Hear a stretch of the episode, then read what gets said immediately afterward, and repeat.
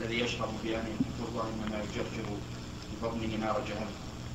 فهل الذي آه، يتخذ الفضة للزينة لا يدخل تحت هذا الوعيد وهل هو محرم؟ هذه فيها خلاف بين العلماء، من العلماء من يقول إن اتخاذ آنة الذهب والفضة حرام سواء استعملت أو لم تستعمل وسواء استعملت في الأكل والشرب أو أم في غيره. ولكن الصحيح أنها إنما يحرم استعمالها في الأكل والشرب فقط. لأن النبي صلى الله عليه وسلم إنما نهى عن الأكل والشرب. والنهي تخصيص لعموم قوله تعالى هو الذي خلق لكم ما في الأرض جميعا فإذا كان كل ما في الأرض فهو لنا ننتفع به حيث لا نهي فيه فإنه يدخل في ذلك اتخاذها للزينة أو استعمالها مثلا في غير الأكل والشرب.